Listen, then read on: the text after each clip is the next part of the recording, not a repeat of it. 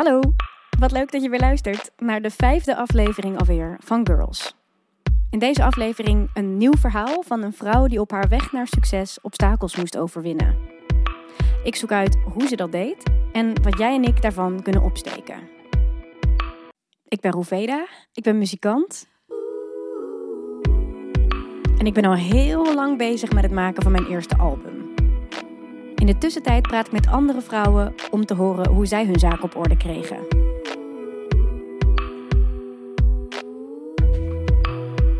Elke aflevering is een collage geworden met een aantal fragmenten uit een gesprek met één vrouw en mijn reflecties daarop. In deze aflevering hoor je mijn gesprek met Aldit Hunkar.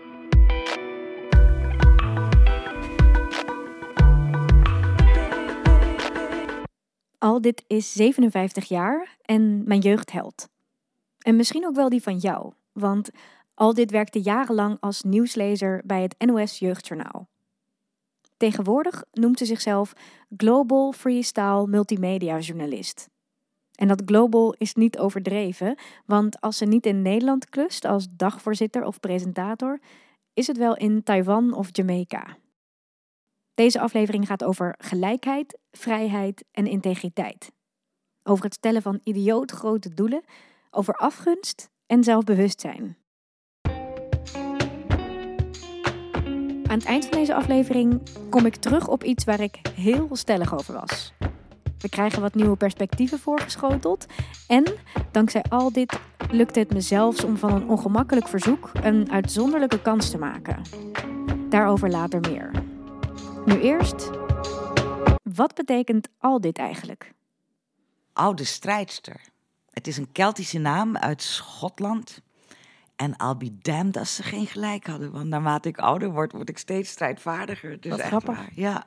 Wat voor, wat voor soort mensen zijn jouw ouders? Eh, mijn vader is er helaas niet meer. Mijn vader ehm, is een van de eerste mensen in Suriname die in Nederland kwamen studeren. Dus het was een, een, een, een academicus. Hij heeft landbouw en veeteelt gestudeerd in Wageningen. Eh, mijn moeder is pas veel later gaan studeren, want zij kreeg vijf kinderen. Dus dan had ze de handen meer dan vol aan. Ehm, en ze hebben ons, en dat is de grote rijkdom denk ik in mijn leven, ze hebben ons van hot naar haar gesleept. Al dit groeide op op vier continenten en in zes talen. En dat hebben ze ons wel meegegeven. Lijk je op, lijk je op een van hen meer dan op de ander? Ehm, ik lijk op allebei heel erg. Ik heb een bepaalde rechtlijnigheid, koppigheid.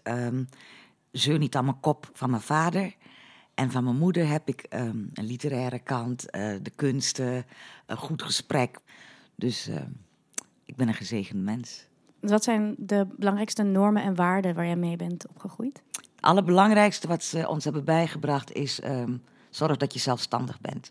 Zorg dat je een pad kiest, dat je dat doet, volgt.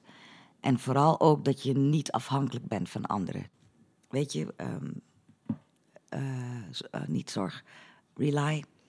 Eh, vertrouw op jezelf. Dat heb ik echt van zo klein meegekregen. Ja. Moet je, naar het, moet je even in het Engels denken omdat je zo lang in Jamaica bent geweest? Ja, Ze heeft daar een tweede huis, maar daar hebben we het later deze aflevering nog over. sorry. Dat geeft niet. Komt helemaal goed. Hoe had je het daar? Hoe was het? het was verrukkelijk en veel te kort. Werk je daar ook of doe je alleen Ik ben steeds werken? meer aan het. Ik, dat is mijn doel. Ik wil daar in ieder geval een paar maanden per jaar mezelf kunnen bedruipen. En dan lekker daar blijven. Ik zag wel dat je iets op de radio aan het doen was. Ja, Wat heb je daar precies ik gedaan? heb. eh, nou, dit was echt een droom die uitkwam. Ze mocht een show hosten op haar favoriete radiostation. Waar ze niet alleen de beste reggae draaien, maar ook mooie gesprekken voeren. Dus toen zat ik in één keer het programma waar ik al 30 jaar naar luister, zat ik zelf te presenteren. Talk radio ook nog. Over gelijkheid en vrijheid in het postkoloniale tijdperk. En ze schijnen nogal vooruitstrevend te zijn daar in Jamaica. Jamaica is altijd een in, in westerse eh, ogen rebellerend land geweest. Ik zeg altijd maar een land waar ze precies wisten wie ze waren, waar ze vandaan komen en vooral ook wat hun innerlijke kracht is. En dat buiten ze ook heel lekker uit, ook in de journalistiek. En daar kunnen we wel wat van leren als aan al dit ligt. Ik ben ooit de journalistiek ingegaan omdat ik, ik had zo'n heerlijk ehm, eh, romantisch beeld van een vergadertafel. Dat iedereen, weet je, nee, we moeten het zo, nee, we moeten die bellen. Dat dacht ik. Dat is helemaal niet zo in Nederland, maar in Jamaica dus wel. En in Jamaica ga je gewoon lekker op de radio zeggen: minister zo en zo, en dan noem je zijn naam. Wat flikt u ons nou? Wij zijn hier heel erg voorzichtig. En we gaan de minister niet een beetje beledigen. Dat doen we allemaal niet hier. Maar dat kan daar wel. Speaking truth to power heet dat dan tegenwoordig. daar gaat het toch om, journalistiek? We gaan luisteren naar een fragment van die Jamaicaanse show. De show heet Running African en wordt uitgezonden door de zender IRI FM. Het is activistische talkradio met als motto Reuniting the African Family for Development. Dit fragment brengt me tot een belangrijk inzicht, maar dat deel ik straks met je.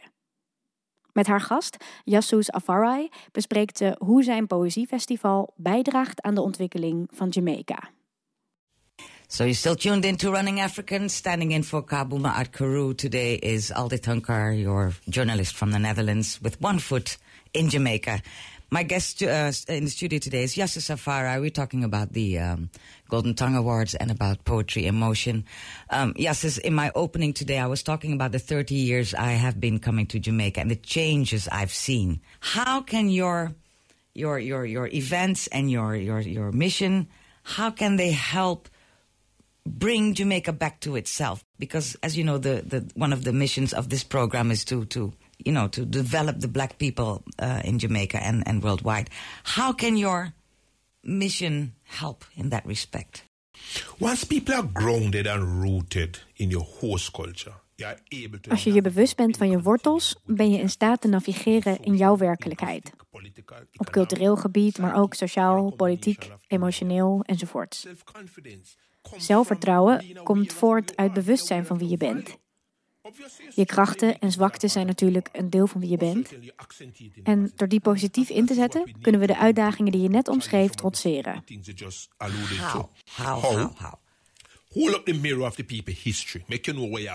Door mensen een spiegel voor te houden van hun eigen geschiedenis.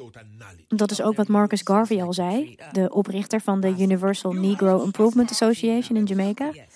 Een volk zonder kennis van zijn verleden is als een boom zonder wortels. But people people are, are, are slightly um, steering away from that, and it's as if the system and, and, and the new culture is pushing them away from the original one. Let me just answer it bluntly. Then. Go on. Don't forget, is Mama Africa mm-hmm. gave birth to all humanity, mm-hmm. bar none. Je moet niet vergeten dat Mama Africa de complete mensheid heeft voortgebracht. Slavernij is geen deel van Afrikaanse geschiedenis. Het is een verstoring en dislocatie van Afrikaanse geschiedenis. De Europese kolonisten drongen hun talen op aan de tot slaafgemaakten. En taal vormt de manier waarop je denkt. We zijn geprogrammeerd om van onszelf los te komen, om niet van onszelf te houden. We hebben zelfhaat geïnternaliseerd. Je bent niet goed genoeg, je bent te lelijk, je bent te zwart. Maar nu bezitten we onze eigen grond, onze eigen cultuur, taal, wetenschap, God, dans en poëzie. We moeten voorwaarts en kenbaar maken dat we een verantwoordelijkheid hebben om de eer, waardigheid en glorie van Mama Africa te herstellen. To reinstate Mama Africa to our position of honor and dignity and glory.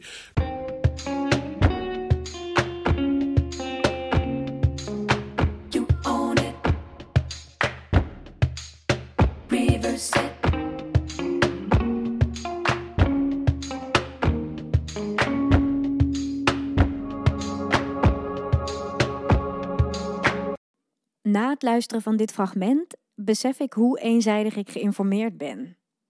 Het grootste deel van de informatie die ik tot me neem komt van witte bronnen.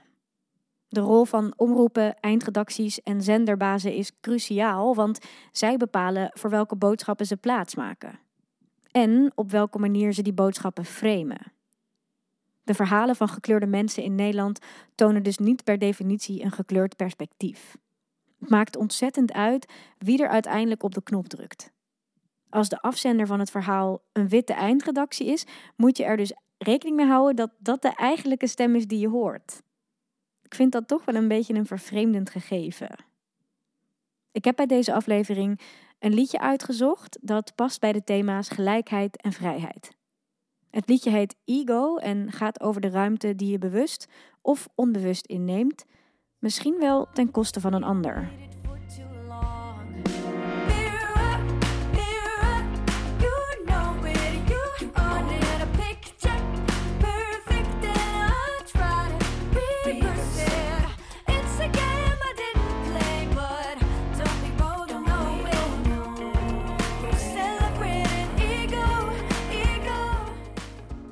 In hoeverre ben je zelf verantwoordelijk voor gelijkheid?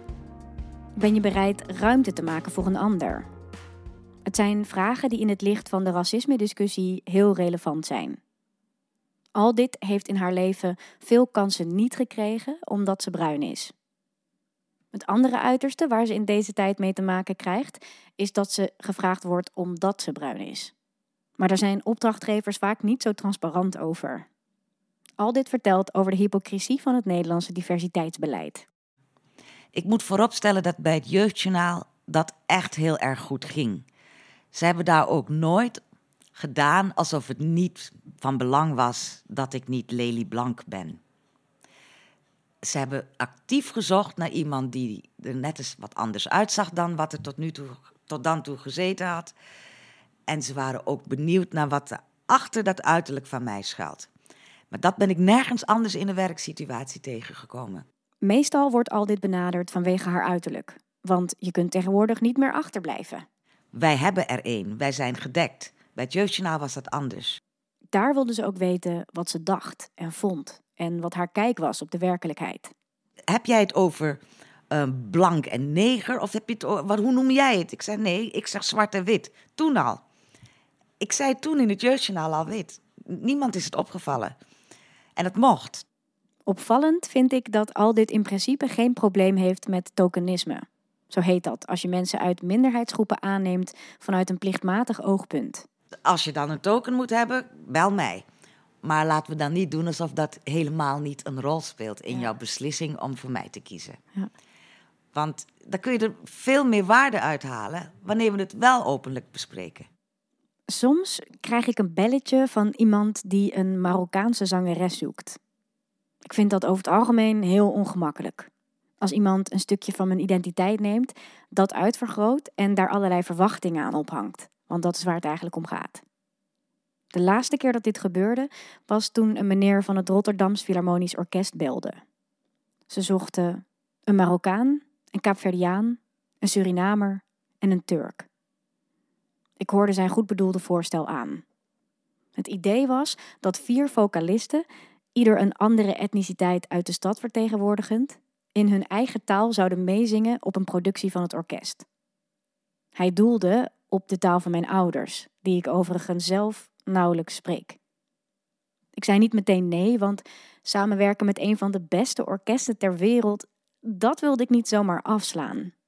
Maar dit voorstel voelde niet goed. Dat zei ik hem ook en ik beloofde later terug te bellen.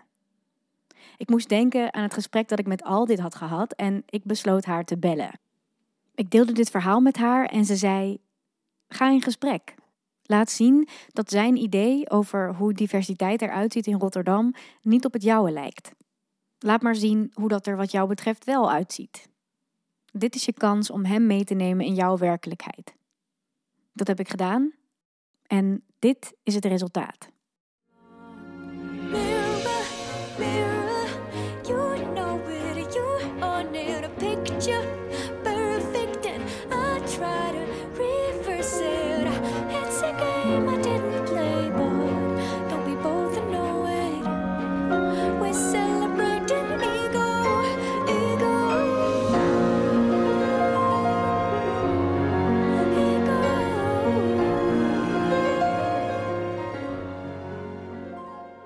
Dit is een orkestarrangement van Ego van het Rotterdam Philharmonisch Orkest. Ik kan nog steeds niet geloven dat dit de uitkomst werd van ons gesprek. Vroeger zou ik misschien uit principe beledigd de hoorn op de haak hebben gegooid na dat eerste belletje. Maar dan was ik er niet beter van geworden en zij ook niet. Rapper YMP is te horen in het Nederlands. Eileen Césaire zong een aria van Hendel in het Italiaans. En Dina Medina zong een lied in het Caverdisch Creools. Voor de volledige productie Check de link in de show notes.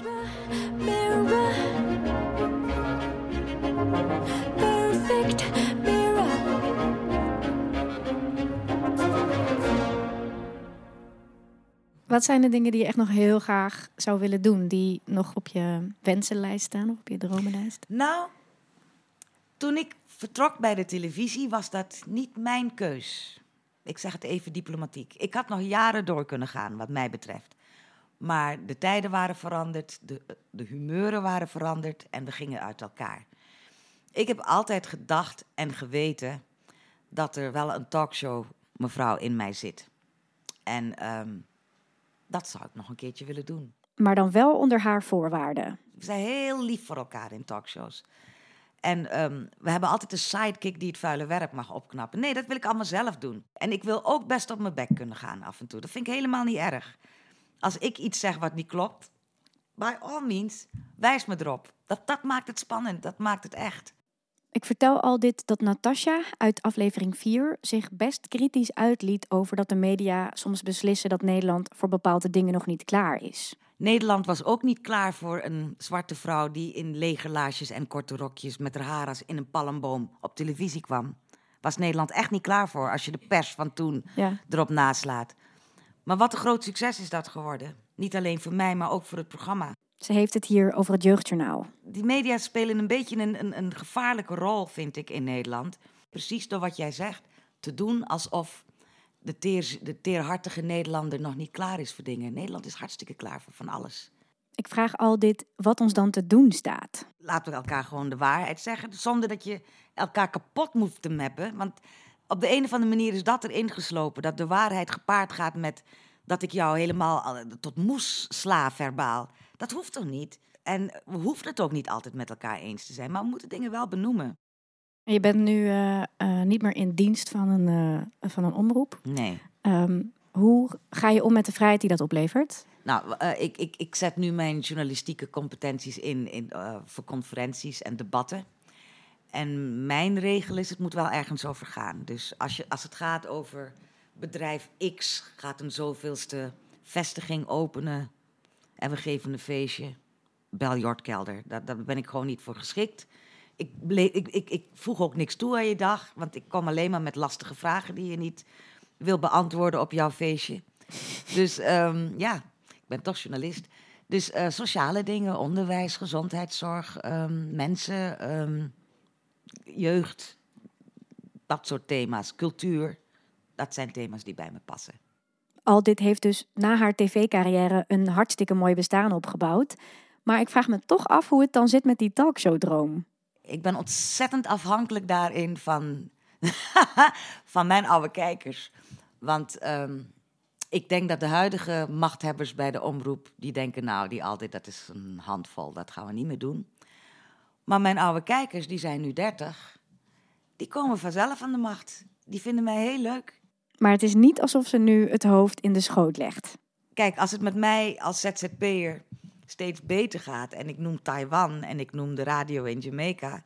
dat zijn dingen die ik lekker op mijn konto mag schrijven. En waarvan mensen die misschien een baantje te vergeven hebben ergens ook denken... jeetje, die altijd, wah, gaat ze naar Taiwan? Wat? Heeft ze nu op de radio in Jamaica gezeten? Die zit niet stil. Dat moet je hebben. Ik ben van niemand afhankelijk nu. Ik doe mijn ding, ik volg mijn eigen pad.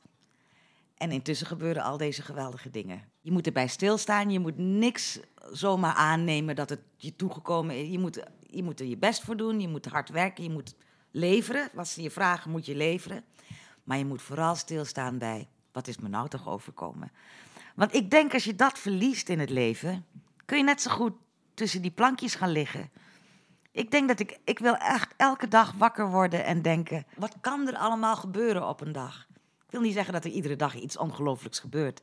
Maar de mogelijkheid dat er iets ongelooflijks gebeurt, bestaat elke dag. Nou, dat is toch super.